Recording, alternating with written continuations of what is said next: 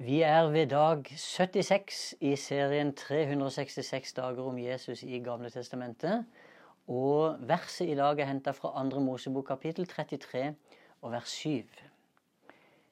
Moses pleide å ta teltet og slå det opp et godt stykke utenfor leiren.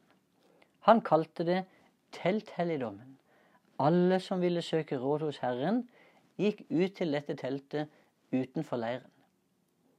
Tittelen i dag er 'Han slo opp sitt telt blant oss'. Vår Gud, Israels Gud, er en Gud som er kjent for å bo i telt. Sånn er det åpenbart i Bibelen. Og sånn presenterte han seg også f.eks. For, for David da han uttrykte at han hadde lyst til å bygge et flott tempel, et flott hus for Gud i Jerusalem. Så sier Gud i 2. Samuel 7 Jeg har da ikke bodd i noe hus helt fra den tid jeg førte israelittene opp fra Egypt og fram til denne dag. Jeg har vandret omkring med telt som bolig. Ved sin nåde så lot også Gud sin herlighet og nærvær være til stede i tempelet, som Salomo senere fikk i, stand, eh, fikk, fikk i oppgave å bygge.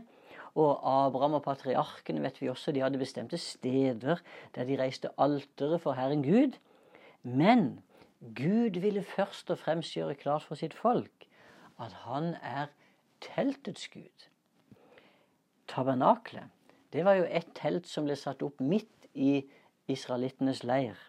Og, og, Gud og Hans herlighet fylte jo det teltet. Derfor så ble det regna som Guds bolig. Men det fantes også et annet telt. Teltet som er nevnt i dagens bibelvers, det er ikke tabernaklet. Men det er et telt som ble satt opp utenfor leiren. Når Moses skulle snakke med Herren, så gikk han ofte ut til dette teltet.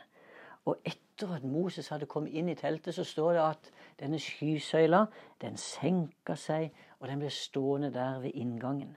Og det, det, viste tydelig at det var Herren selv han møtte når han var der inne. Og inne i teltet så står det at Herren talte eh, med Moses ansikt til ansikt, sånn som mennesker taler med hverandre.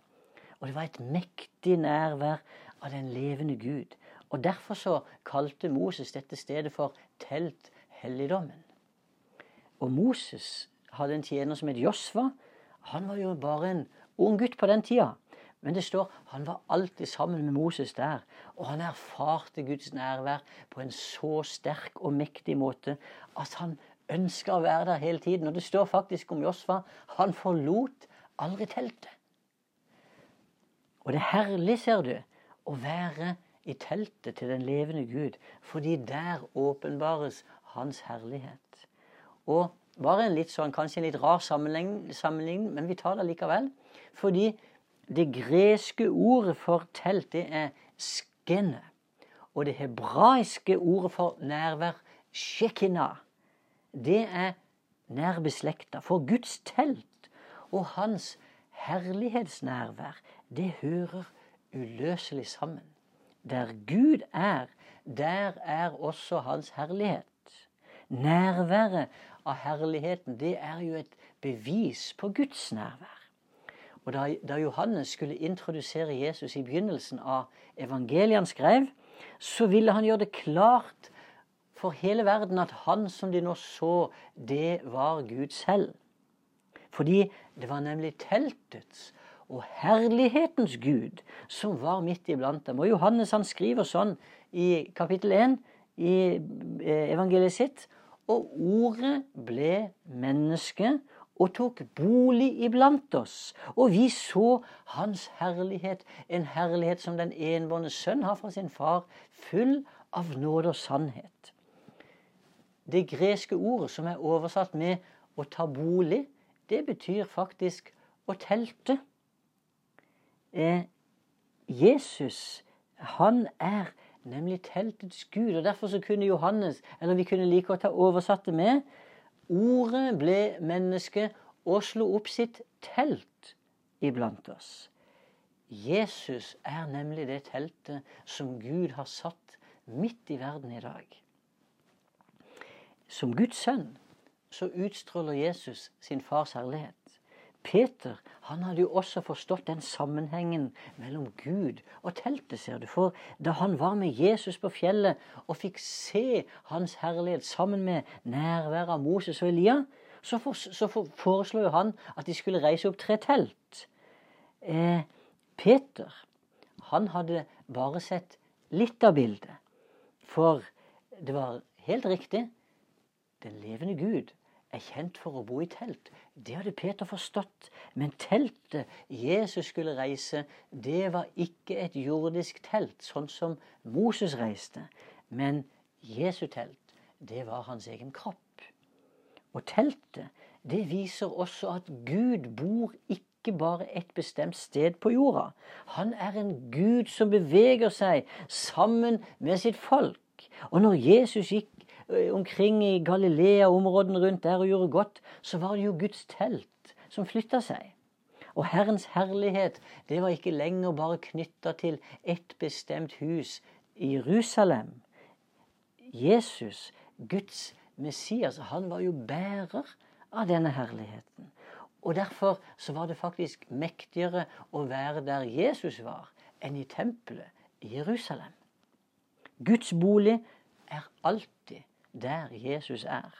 Og det var jo også dette Jesus åpenbarte for den samaritanske kvinnen som han møtte der oppe ved, ved Sykars brønn.